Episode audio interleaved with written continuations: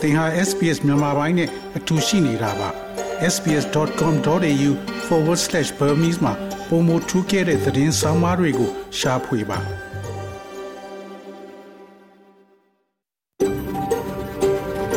SBS A world of difference You're with SBS Burmese on mobile, online and on radio. mobile online နဲ့ radio ပေါ်မှာသင်ဟာ SPS မြန်မာပိုင်းနဲ့အ တူရှိနေတာဖြစ်ပါတယ်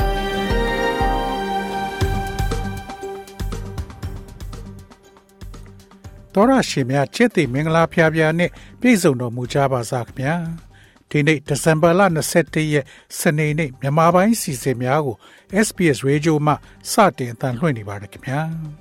ဒီနေ့စီစဉ်များကိုကျွန်တော်ကြော်ထွန်းအောင်ခေါ် Terror အောင်ကတင်ဆက်သွားမှာဖြစ်ပြီးယနေ့ပါဝင်မဲ့အစီအစဉ်များမှာတော့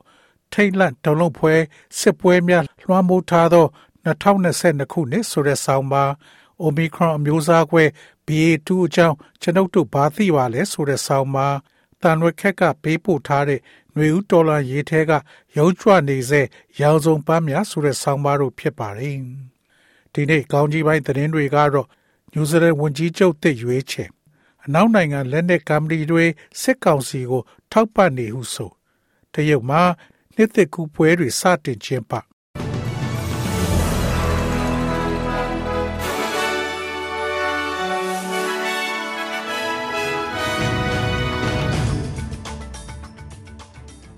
ယခုချိန်ကစပြီးသတင်းများကိုကျွန်တော်ကြော်ထုံးအောင်ကစတင်ဖတ်ကြားပါတော့မယ်။နယူးဇီလန်နိုင်ငံဝန်ကြီးချုပ်အသစ်ရွေးချယ်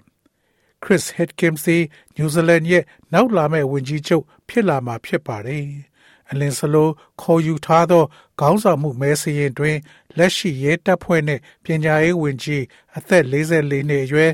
Mr. Hipkins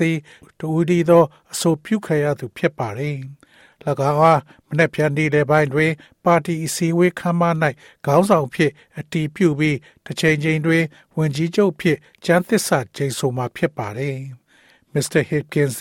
အလုပ်တွေ9နှစ်ခွဲကြာပြီးနောက်ပ င်ပန်းနွမ်းနယ်မှုကိုကိုးကား၍ယခုသတင်းပတ်အစောပိုင်းကနှုတ်ထွက်ခြင်းဖြင့်လူတိုင်းနီးပါးအားအားသင့်စေခဲ့တဲ့ Jacinda Ardern နေရာကိုဆက်ခံမှာဖြစ်ပါတယ်။ဝန်ကြီးချုပ် Anthony Albanese က၎င်းရဲ့ New Zealand မိတ်ဖက်သစ် Chris Hipkins နဲ့လက်တွဲရမျှော်လင့်ထားကြောင်းပြောဆိုပါတယ်။ Mr. Albanese က Mr. Hipkins နဲ့စကားပြောပြီးဂုဏ်ပြုစကားပြောကြားပြီးစကားပြောဆိုမှုဟာနှွေးထွေးတယ်လို့ပြောဆိုပါတယ်။ Mr. Hipkins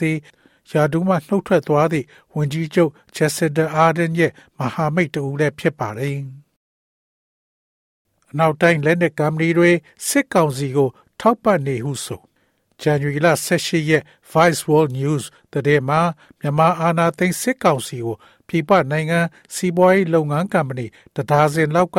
တိတ်တဆိတ်ကူညီထောက်ပံ့နေကြရမှာအများစုကအနောက်နိုင်ငံတွေရဲ့လက်နက်ကမ္ပဏီတွေဖြစ်ကြောင်းအသစ်ထုတ်ပြန်လိုက်တဲ့သူသေသနာတွေးရှိချက်တရက်ကဖော်ပြထားပါတယ်။မြန်မာနိုင်ငံပေါ်နိုင်ငံတကာလက်နက်ပိတ်ဆို့ထားပေမဲ့လက်နက်ထုတ်လုပ်ရောင်းချရေးလုပ်ငန်းကရပ်တန့်မသွားဘဲနှီးမျိုးစုံနဲ့ဆက်လက်လည်ပတ်နေစေဖြစ်ပါတယ်။ အဲဒီထဲမှာမြန်မာစစ်ကောင်စီကိုဖြစ်တင်ရှုံချနေတဲ့နိုင်ငံတွေတောင်ပါဝင်နေတာဖြစ်ကြောင်းလည်းဖော်ပြထားပါတယ်။မြန်မာဆိုင်ရာအထူးအကြံပေးကောင်စီ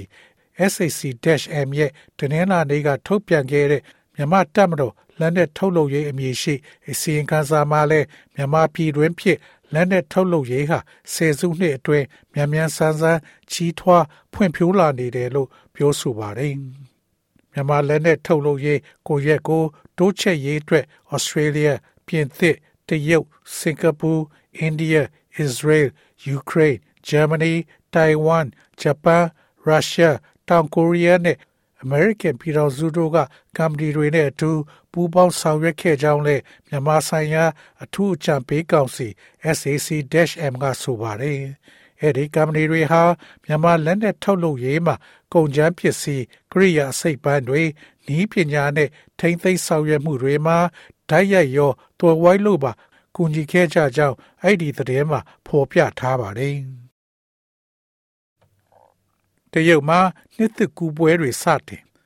တရုတ်နိုင်ငံမှာနှစ်သက်ကူပွဲတော်တွေ ဒီသတင်းပတ်ကုံစတင်တော်မှာမို့နိုင်ငံတော်ဝန်နှစ်သက်ကူပွဲတော်ပြင်ဆင်မှုတွေနဲ့ပွဲတော်အရေးအငွေတွေနေရာတိုင်းမှာတွေ့ရှိနေရပါတယ်။ယုံနှစ်ကိုကြိုတဲ့နှစ်မှုမီရောက်ဆုံးအလှဆင်ထားတဲ့လေထိုးယုံရုပ်ကြီးတွေကတော့မြို့ကြီးနေရာအတော်များများမှာတွေ့ရှိနိုင်ပါတယ်။နိုင်ငံအနောက်မြောက်ပိုင်းဂန်ဆူပြည်နယ်ရန်ဆောင်မြို့မှာတော့နှစ်သက်ကူရိုးရာမပြတ်မိထုံးပွဲတော်တွေကျင်းပနေပြီး ခင်မီနီးပညာတွေနဲ့တရိษံရုပ်ကြီးတွေနဲ့ပန်းပေါင်းစုံဖွင့်တဲ့ဥယျာဉ်ကြီးပုံစံရောင်စုံမီးတွေနဲ့အလှဆင်ထားတဲ့ဒီနေရာကို လူတွေအတော်များပြားလာရောက်လည်ပတ်ကြပါတယ်။အလဲပိုင်းဟျူဘေပြည်နယ်ဝူဟန်မြို့မှာလည်းမူလန် Everbright City မီးရောင်စုံထုံးပွဲစတင်နေပါပြီ။တွေဦးကျိုးစိုးပွဲတော်လို့လဲခေါ်ကြတဲ့တရုတ်နှစ်သစ်ကူပွဲတော်မတိုင်ခင်ကတည်းကတရုတ်မြို့ကြီးတွေမှာမီးထွန်းပွဲတော်တွေစနေပါပြီ။ချောင်းကွင်းခရိုင်လီယန်ပင်မျိုးကမီးထွန်းပွဲမှာတော့နှစ်သစ်ကိုကြိုးဆိုတဲ့အနေနဲ့မီးရှူမီးပန်းတွေလည်းပြစ်ဖောက်ဆင်နွှဲကြပါတယ်။နှစ်သစ်ကူပွဲတော်ဟာတရုတ်နိုင်ငံမှာအကြီးကျယ်အခမ်းအနားဆုံးပွဲတော်တစ်ခုဖြစ်ပါလေ။ဝန်ကြီးချုပ်မစ္စတာအယ်ဘနီစီဘီလ်ဂိတ်နဲ့တွေ့ဆုံ ဝန်ကြီးချုပ်အန်တိုနီအယ်ဘနီစီသည်စီးပွားရေးသမားနဲ့ပရဟိတသမားဘီလ်ဂိတ်နဲ့တွေ့ဆုံခဲ့ပါတယ်။မစ္စတာအယ်ဘနီစီသည်ဆစ်ဒနီရှိ Calibri House တွင် Mr. Gate နှင့်တွေ့ဆုံအားတွင်၎င်းဆိုအားရဲ့ယာသည့်ဥဒုပြောင်းလဲမှုဆိုင်ရာမှတ်တမ်းကိုမြင့်တင်ရအတွက် Mr. Gate သည်၎င်းရဲ့ company Breakthrough Energy ကိုလိုက်ရှာနေသည့်အကျိုးစီးပွားများစွာထဲမှတစ်ခုဖြစ်ပါတယ်။ Bill and Melinda Gates Foundation မှလှုပ်ဆောင်ခဲ့သော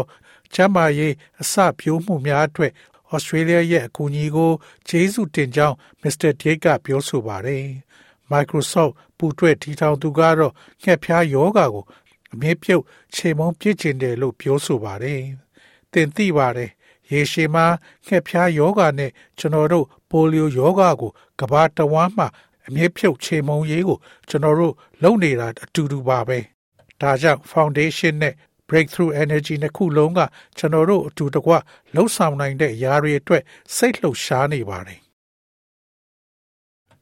တိုက်ခိုက်ရေးတင့်ကားတွေ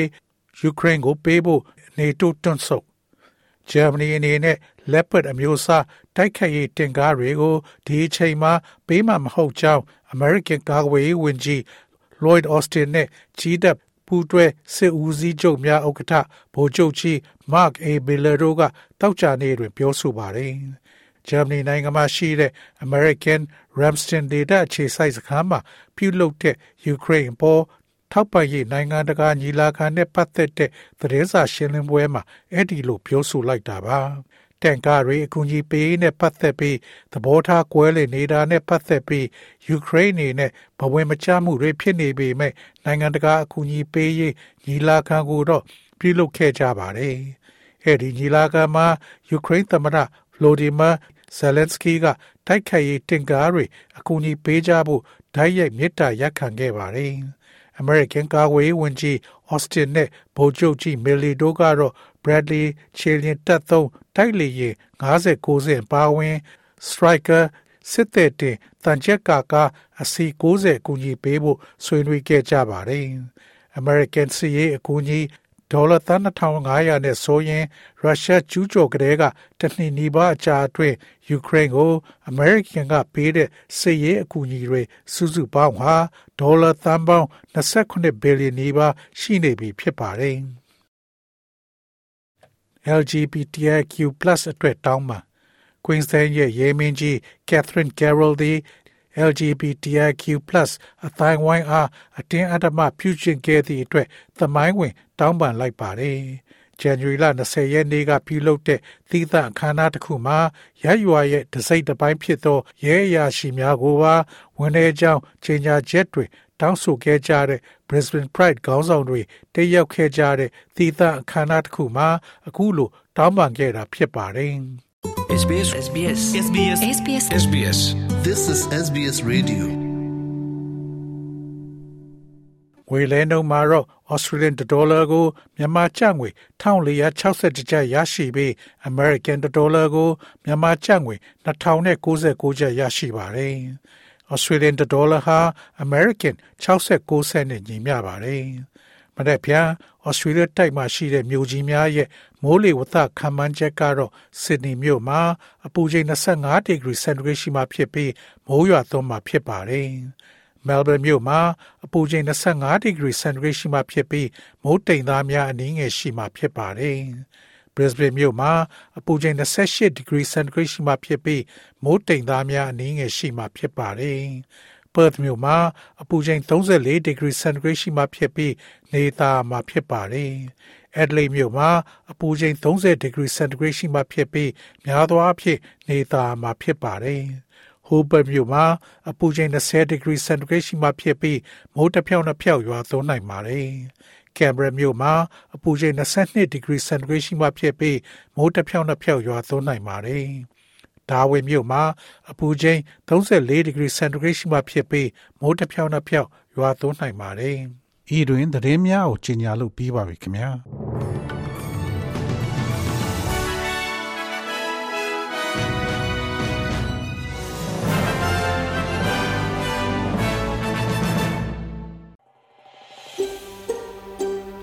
ဒါမျိုးသတင်းဆောင်မာတွေကိုပိုနားဆင်လိုပါလား Apple Podcast Google Podcast Spotify တို့မှာသင်ပင်ရာဖြစ်ဖြစ်ရယူတဲ့ podcast ကနေပါ။